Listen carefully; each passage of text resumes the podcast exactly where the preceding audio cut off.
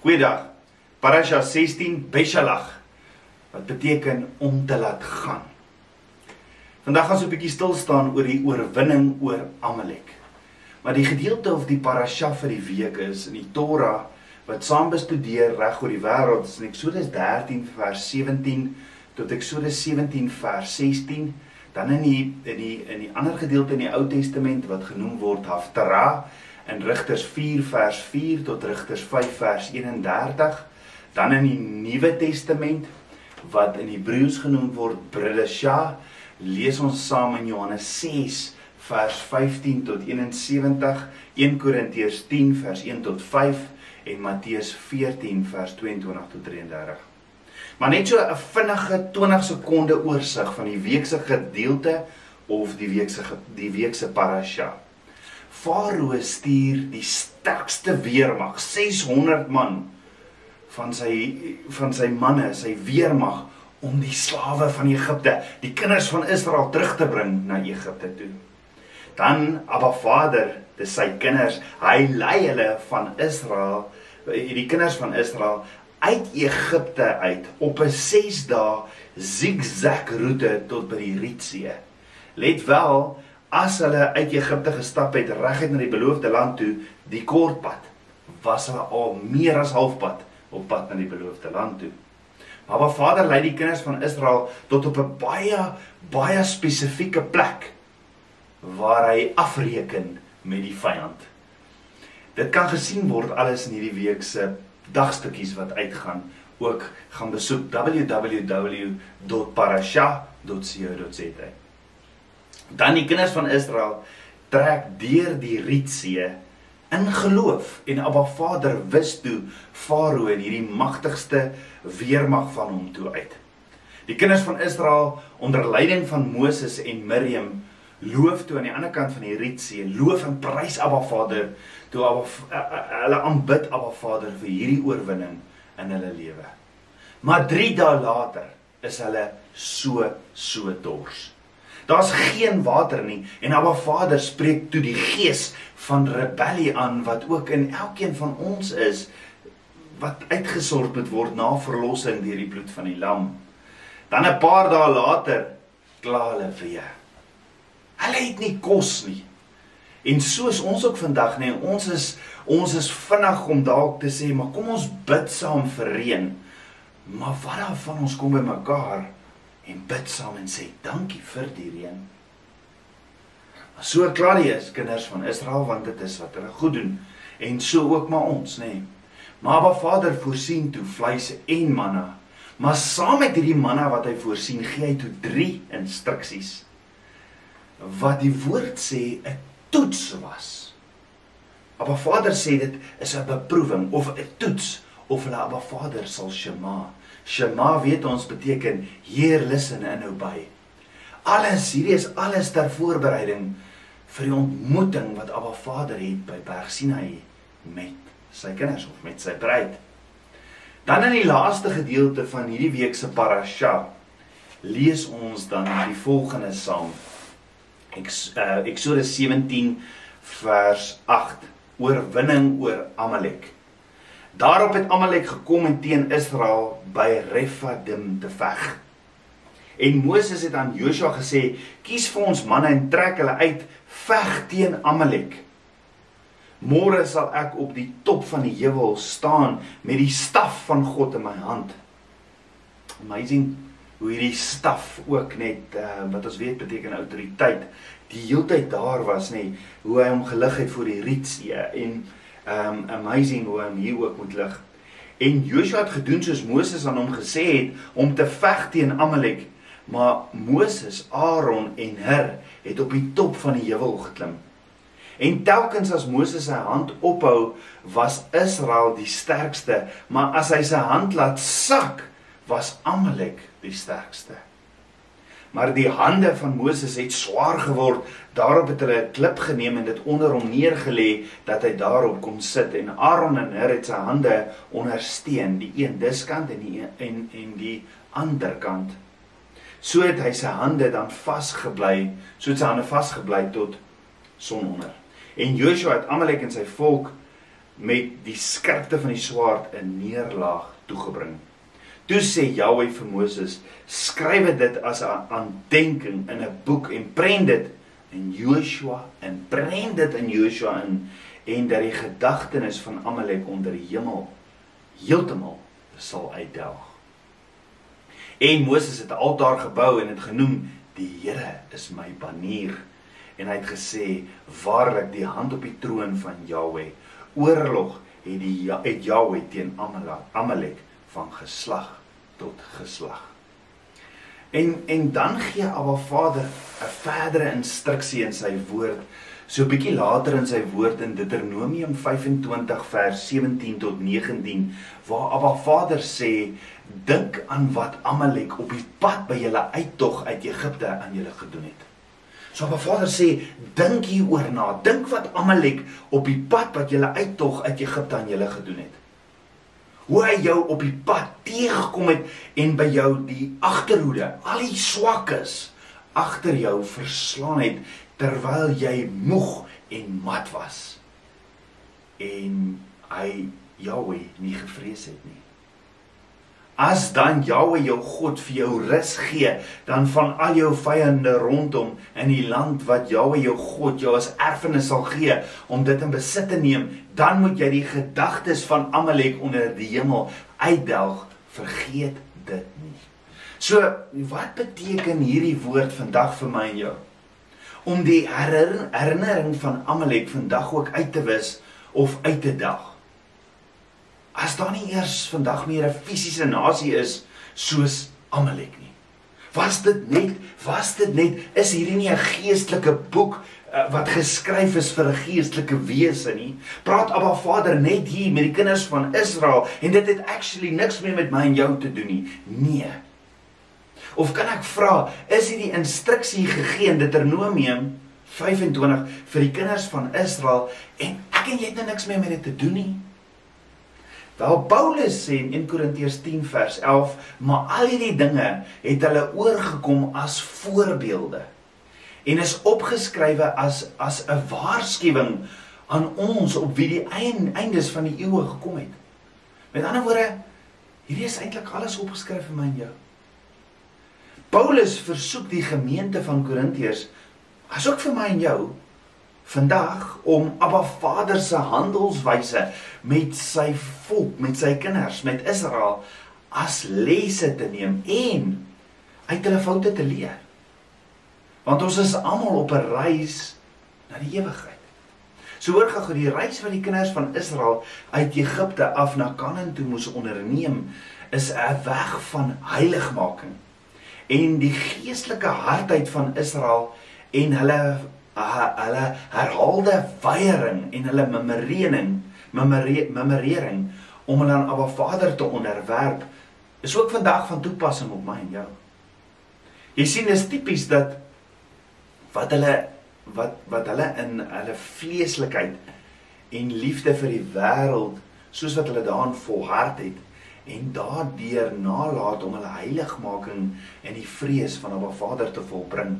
En die vraag is, hoe baie kere hoe baie kere het ons is ons uit Egipte gelei. Ons is uit Egipte gelei, ons is verlos, ons deur die bloed van die lam.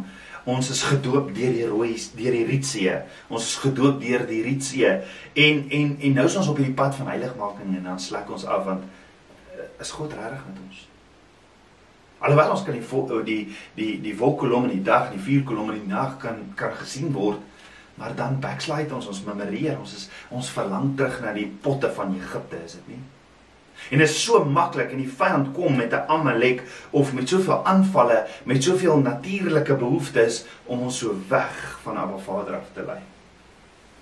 Abba Vader sê in sy instruksie in Deuteronomium 50: Onthou die bose nasie wat julle aangeval het. Onthou vir Amalek onthou vir Amalek en die vraag is vandag wat hoekom moet ek en jy vir Amalek onthou?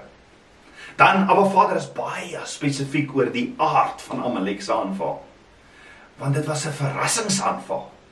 O Tabernakels kind van Abba, miskien moet ons kyk. Miskien moet ons kyk wat is Abba besig om vir my en jou ook te leer oor hierdie verrassingsaanval. Amalek het nie uitgekom en oorlog verklaar nie. Hulle het die kinders van Israel van agter af aangeval. Stilletjies. Daar waar die swakkes is. Hulle teiken was die die die swakste lede van die kinders van Israel. O net so, net so vandag. O die vyand kom en daar waar ek en jy nog so bietjie swak is, daar kom val hy aan. Hy kom val aan die wat skaars by die ander kon bybly, die wat swaar loop, die wat moeg is, die wat en o daar kom die vyand ook vandag. Maar dan sê Moses verder dit terwyl hulle moeg en mat was. Ons jaar het net begin. 'n Nuwe nuwe jaar op die wêreld se kalender het begin en ons begin met soveel terugslae as in in in 'n lockdown 3 en is dis COVID-19 en is en ons is moeg en ons is mat. Maar die vraag is hoekom sou dit so wees? Dat hierdie Amalek, die vyand kom aanval daar waar hulle moeg en mat is. Onthou hulle was in die woestyn. Na die Rietsee, dis na die Rietsee, hulle is op pad na die berg Sinai toe om Vader te gaan aanbid. Hulle het 'n hulle het hulle het 'n paar krisisse teëgekom. Hulle die hulle het vrees gevoel en hulle nekke blaas voor die Rietsee. Hulle het tekort aan water gehad. Hulle het 'n tekort aan water gehad. Hulle het ook deur die woestyn geloop. Daar was nie perdekarre nie, daar was nie luxe Nissans nie of Land Rovers nie. Sonder 'n padkaart, sonder 'n kompas met geen idee wat volgende gaan gebeur nie. Nee, hulle het hulle het so skape die groot herder gevolg deur middel van 'n wolkkolom en 'n vuurkolom in die nag en hoe amazing is dit nie? Maar nog steeds het hulle getwyfel of wat Vader sal voorsien. En is presies hier waar jy moeg en mat is waar Amalek hulle aangeval het, 'n tydstip toe die hele volk fisies en emosioneel gedreineer is. Hulle is baie. Maar dink gou hieroor. Ander nasies het ook verskriklike dinge aan die kinders van Israel gedoen. Ek meen die Egiptenare het het oor die 100 jare uh, uh, amper 430 jaar in Egipte land gebly, maar oor die 100 jare het hulle as slawe die kinders van Israel aangehou. Hulle het hulle hulle die kinders van Israel se pasgebore babas doodgemaak. Maar daar is nie 'n ewige instruksie van Abba Vader af om om die Egiptenare uit te wis nie. So wat maak Amalek dan anders? Wel soos Abba Vader ons al geleer het, daar is meer aan hier aan sy woord, aan hierdie verse as wat ons net met ons natuurlike oog wil beoordeel. Moses het gesê, dan moet jy die gedagtes van Amalek onder die hemel uitdelg. Vergeet dit nie. Onthou Moses sê Amalek het Israel se kwesbaarheid teen hulle gebruik as 'n aanvalspunt. Miskien moet ek en jy vandag kyk, waar's my en jou kwesbaarheid? Miskien moet ons eerlik wees met met mekaar en dit in die lig bring en sê, "Maar my vrou, hier is ek kwesbaar, bid saam met my." Intercessors in ons gemeente, in ons in ons uh uh um uh, uh, in die bruid van Yeshua. Hier's ek kwesbaar. Bid saam met my. Want dis waar die vyand kom met sy aanval. Dis dis wat hy gebruik as sy aanvalspunt.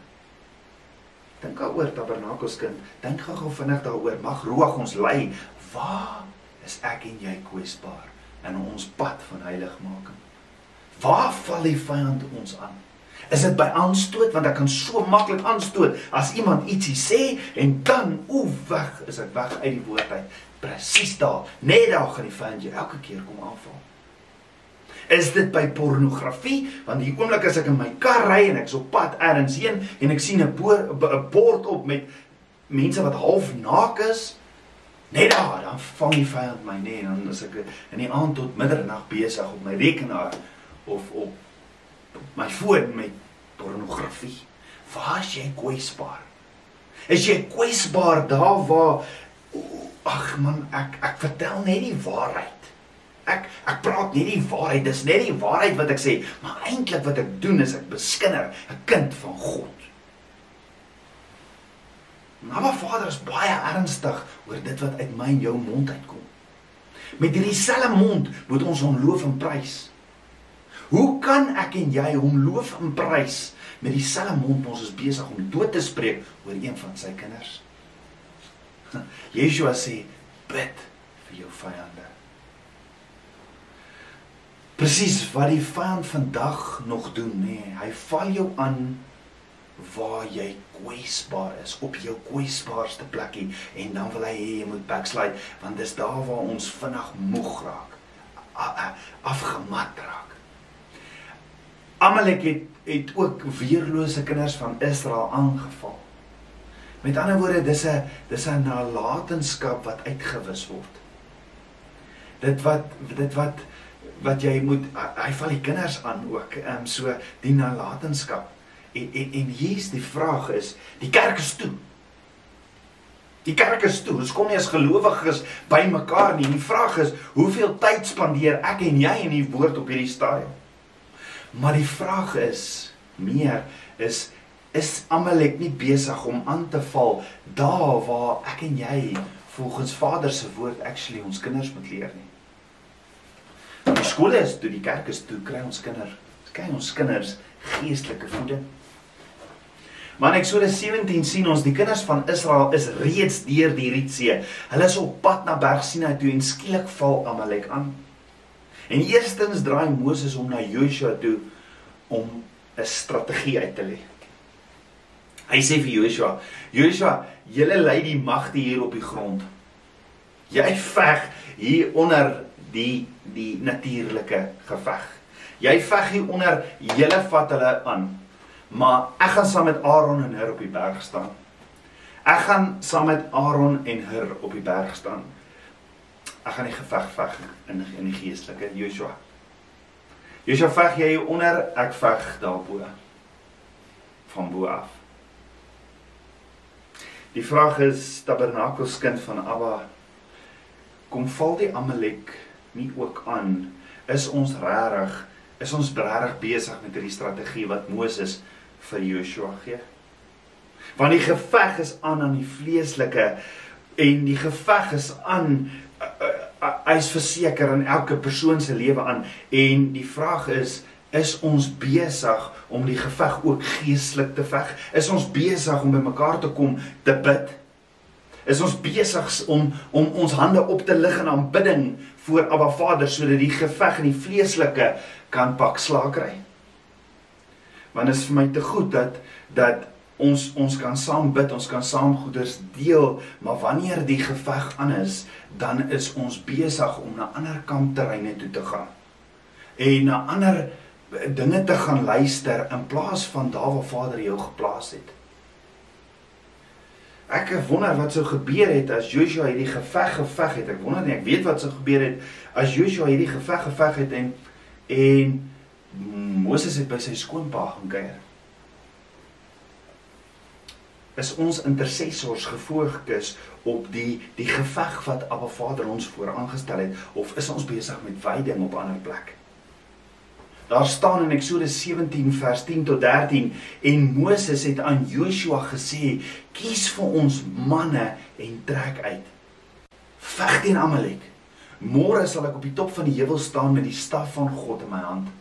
En Joshua het gedoen soos Moses aan hom gesê het om te veg teen Amalek. Maar Moses en Aaron en Hur het op die top van die heuwel geklim. Hy went up the mountain. En dan elke keer as Moses sy hand ophou, was Israel die sterkste. Maar as hy sy hand laat sak, was Amalek die sterkste. Maar die hande van Moses het swaar geword. Dit is maklik om intersessie te doen. Dit is dis hy punt dit dit raak swaar. En daarop het hulle 'n klip geneem en dit onder hom neergelê dat hy daarop kon sit. En Aaron en Hur het sy hande ondersteun, die een diskant en die een ander kant en so het hy sy hande dan vasgebly tot sononder. Ehm um, wat sou gebeur het as Aaron en Hur nie daar was nie? As hulle by Jethro gaan kuier het onder andere by Moses se skoonpa wat sou gebeur het as hulle nie daar was om te sien maar die geveg is besig om aan te gaan. Vers 13 sê en Josua het Amalek en sy volk met die skerpte van die swaard in neerlag gebring. So dit is 'n dis 'n is 'n geveg in die in die in die in die natuurlike wat hier onder plaasvind, maar is ook 'n geveg in die geestelike. En die twee moet saamspeel. Met ander woorde vir een of ander onverklaarbare rede bepaal die verhewe hande van Moses die sukses van Israel op die slagveld. Belangrik. Het Moses nie ook sy hande gelig met die uittrek uit Egipte as ook voor die Rietsee en na die Rietsee nie? Maar dan neem dinge 'n draai vir die erger. Soos die geveg aanhou het Moses se hande swaar geword. En hy kan hulle nie meer ophou nie. En dit is hier waar Aaron en Hur inkom. Hulle bring toe hulle bring toe 'n klip vir Moses om te sit op en hulle hou toe Moses se arms op om hom te ondersteun en as gevolg van dit het die kinders van Israel die geveg oorwin. So ons het dus twee verhale oor die stryd met Amalek.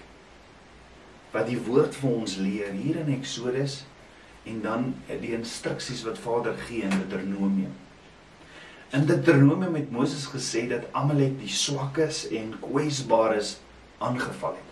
Die kinders van Israel was moeg en hulle was uitgeput. En hier in Eksodus sien ons dat dit nie net die kinders van Israel was wat uitgeput en moeg was nie. Nee, Moses het op 'n ook op 'n punt gekom waar hy uitgeput, moeg en swak geword het. Die vraag is is ons besig om intercede vir die wat Vader ge, geleer het? Is ons besig om die te help en hande op te lig? Vir die wat Vader gestuur het om die woord om sy saad te saai, die wat, is ons besig om te bid vir die intercessors wat wat Abba Vader se teenwoordigheid gaan soek wat bid vir die gemeente. Bid vir verander. Bid ons vir mekaar. Moses het op 'n plek gekom waar hy uitgeput, moeg en swak geword het. Sy hande het so swaar geword dat hy nie meer die krag gehad het om hulle op te hou nie. En toe dit gebeur, kom Aaron en Hur tot hulp. En hulle hou sy hande letterlik vir hom op. Maar wie is Aaron en Hur? Wie is Aaron en Hur? Aaron is soos ons weet is is Moses se ouer broer. Volgens geleerdes was Aaron omtrent 3 jaar ouer as Moses. Maar wie is Hur? Wie is Hur? Nou ja, sy naam verskyn slegs net 'n paar keer in die woord.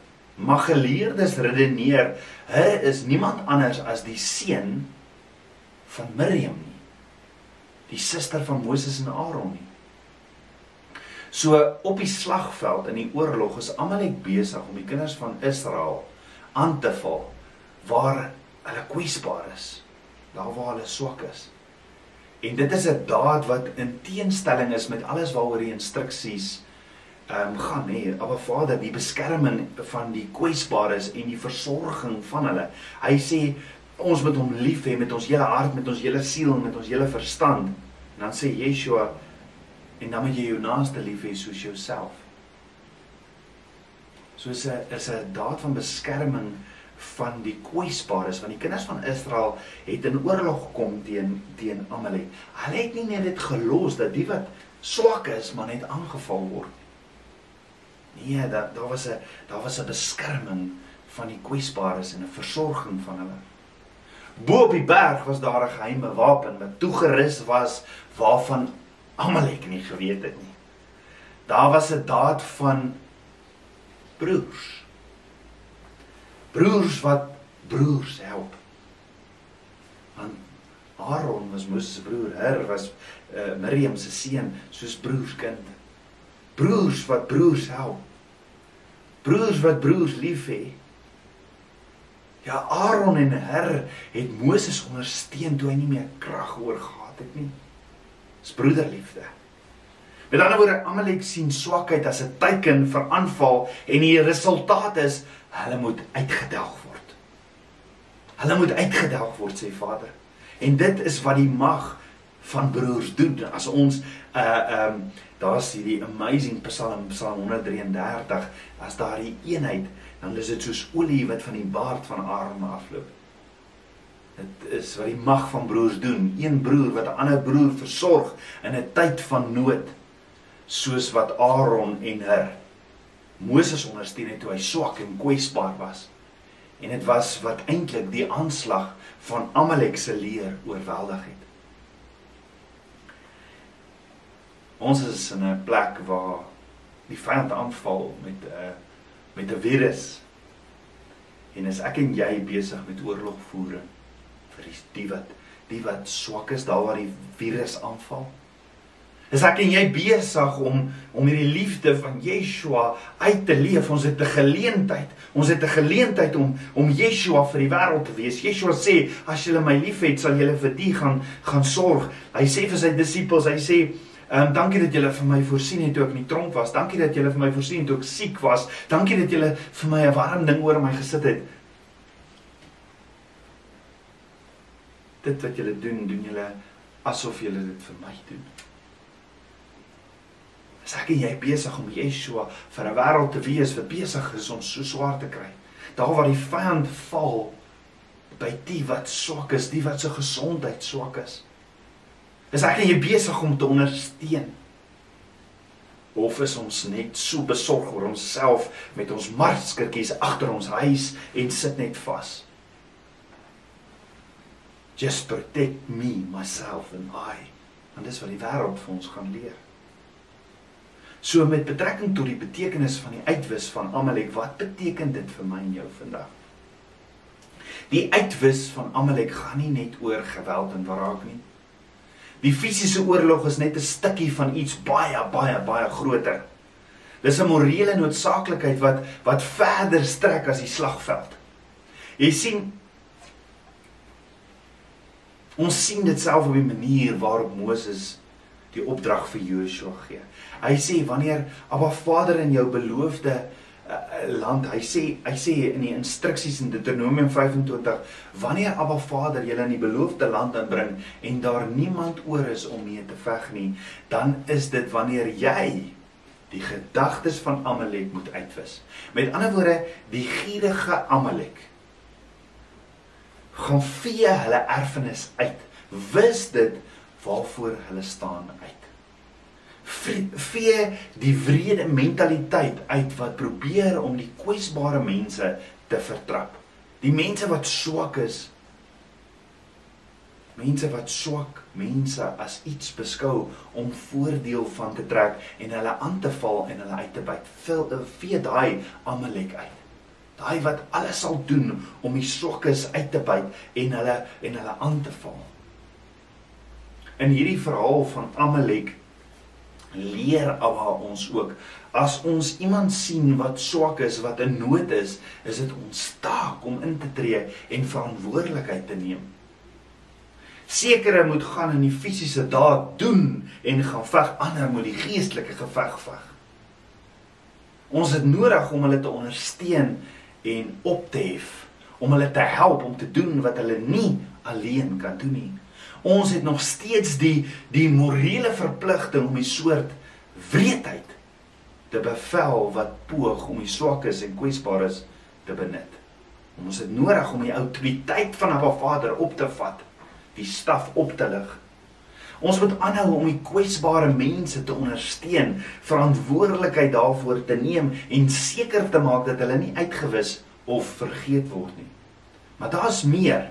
Ons lees in Abba Vader se woord dat Abba Vader Amalek gehaat het. Ja Eksodus 17 vers 14 tot 16 sê sê Abba Vader vir Moses skryf dit as 'n aandenking in 'n boek en prent dit in Joshua in dat ek die gedagtes van Amalek onder die hemel heeltemal sal uitdag. En Moses het 'n altaar gebou en dit genoem die Here is my banier en hy het gesê waarlik die hand op die troon van die Here oor oorlog het Jahwe teen Amalek van geslag tot geslag.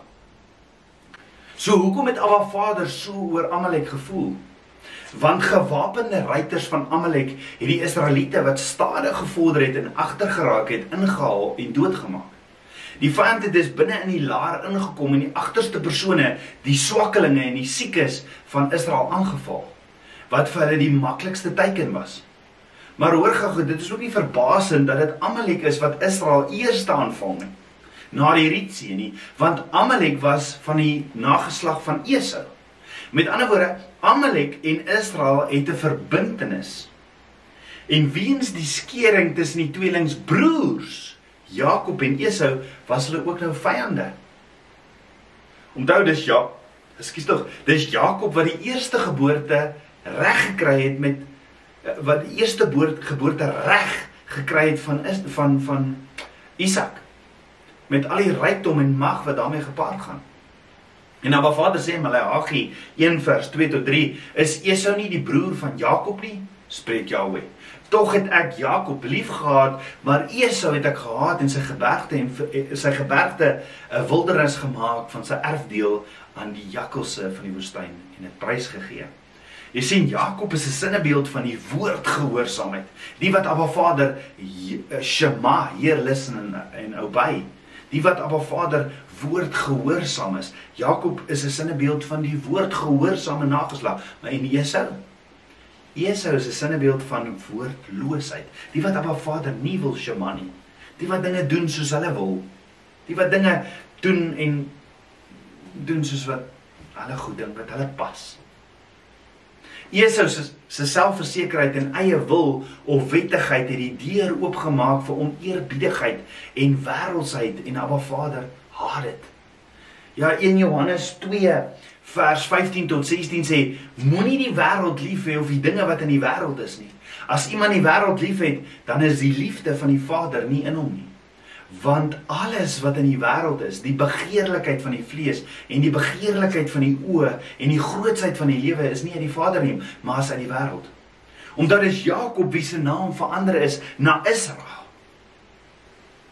En se 12 seuns wat die stamme van Israel geword het wat nou aangeval word deur Amalek. Met ander woorde, Amalek is 'n tipe vyand wat Abba Vader se volk, sy kinders aanval van binne. En daarom is Amalek ook vandag 'n voorstelling van die inwonende sondige natuur, daardie waar ek Abba Vader rebellies kop teenoor sy woord.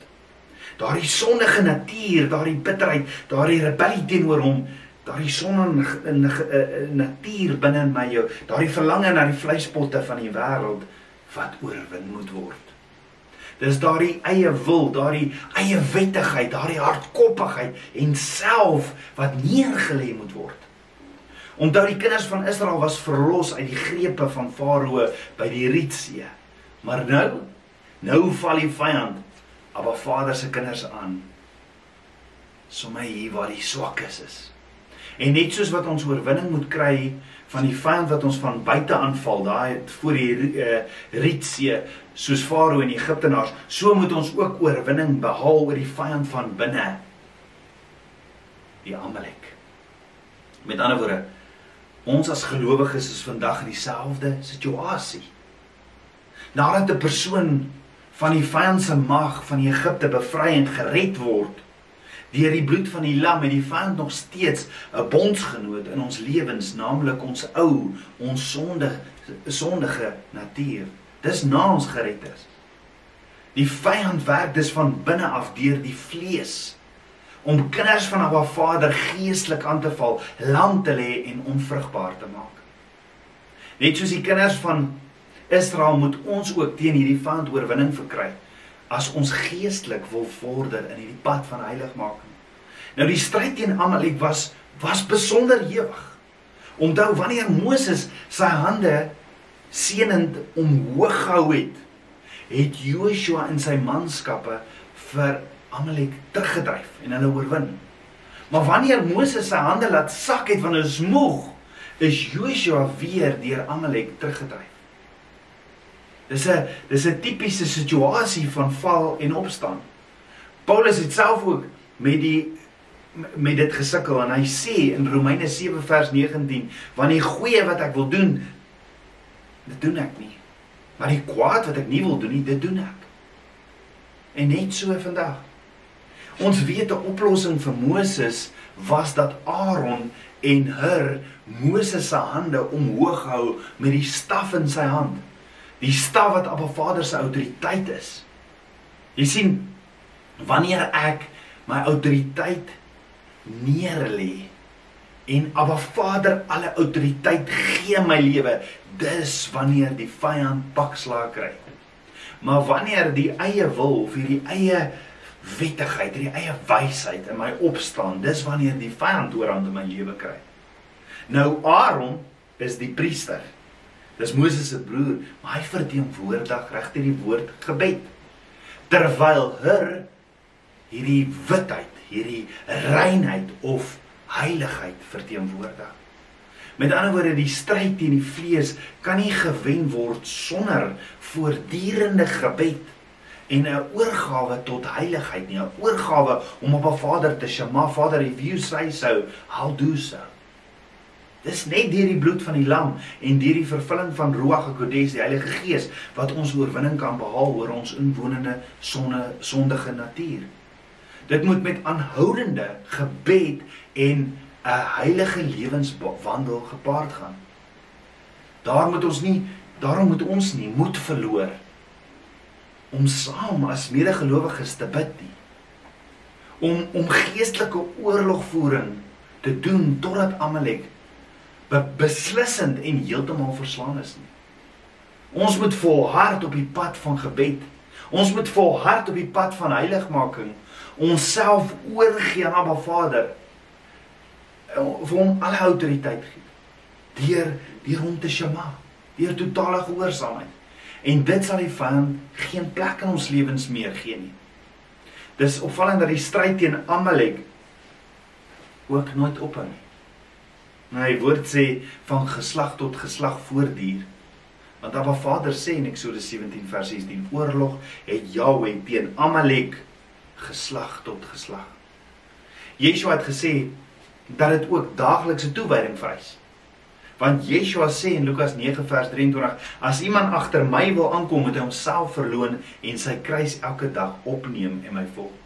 Met ander woorde, Amalek moet totaal oorwin word. Ek kan nie met een voet in die wêreld en 'n ander voet saam met Abba Vader wandel nie. Nee, ek wandel nou in in intimiteit, in gees saam met Abba en nie meer in die vlees nie. Totaal afhanklikheid en gehoorsaamheid saam met Abba Vader in gebed, in waarheid en in gees. En wanneer ons deur Ruach gelei word, lei Ruach ons ook om 'n dieper kennis van Abba Vader se woord op te doen. Ja Yeshua sê in Johannes 16 vers 13, wanneer hy gekom het, die Gees van die waarheid, sal hy julle lei in die hele waarheid. So hoor gou, Aaron en Hur hou Moses se arms in die lug, want sien solank as wat ons Abba Vader sal verheerlik met ons hande in die lug, dis dan wanneer ons die vyand kan oorwin net met Abba Vader se autoriteit. Die vraag is tabernakels kind van Abba, die wêreld stop die kerk, die kerk is toe. Die vraag is is ek en jy nog besig om Vader te worship en te aanbid? Sak jy besig om saam met ons kinders Vader te aanbid vir wie hy is? Hoor gou wat sê Eksodus 17 vers 12. Maar die hande van Moses het swaar geword En daarom het hulle 'n klip geneem en dit onder hom neergelê dat hy daarop kon sit en Aaron en Hur het sy hande ondersteun, die een diskant en die een ander kant. En so het sy hande dan vasgebly tot sononder. Maar ten spyte van uiterse uiterse moegheid het Moses se hande vasgebly tot sononder. Hoor gou Die oorspronklike Hebreëse woordjie vir vasgebly is die woordjie imuna. Nou imuna beteken geloof ingeweef met goeie werke wat die vrug is van ons geloof. En dan gaan die verduideliking verder en sê to have faith in Yahweh is not knowing that Yahweh exists or knowing that he will act. Rather, it is that the one with imuna will act with firmness towards Yahweh's will.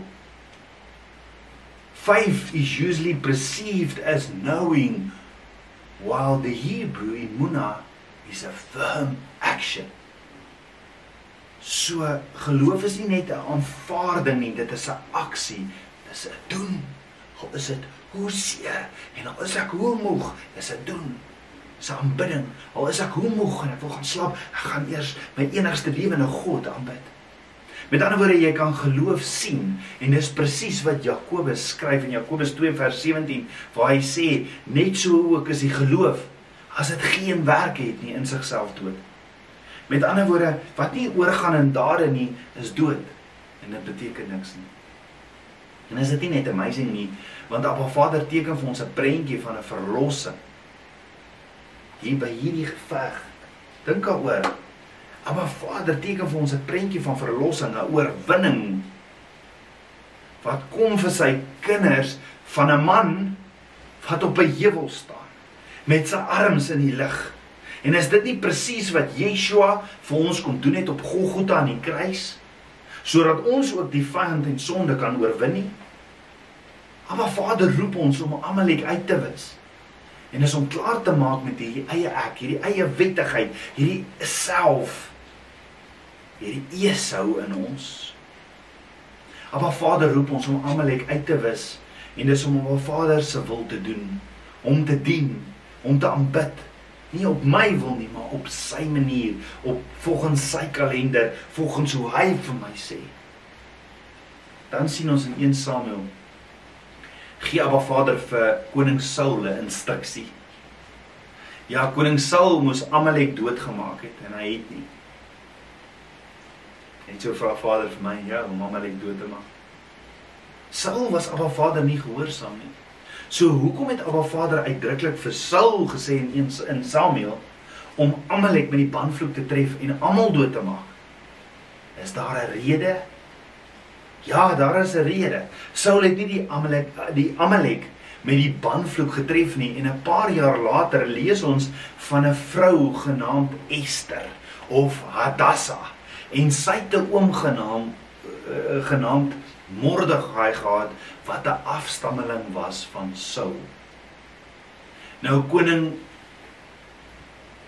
Ahasveros wat met Ester getrou het, se regterhand man was Haman.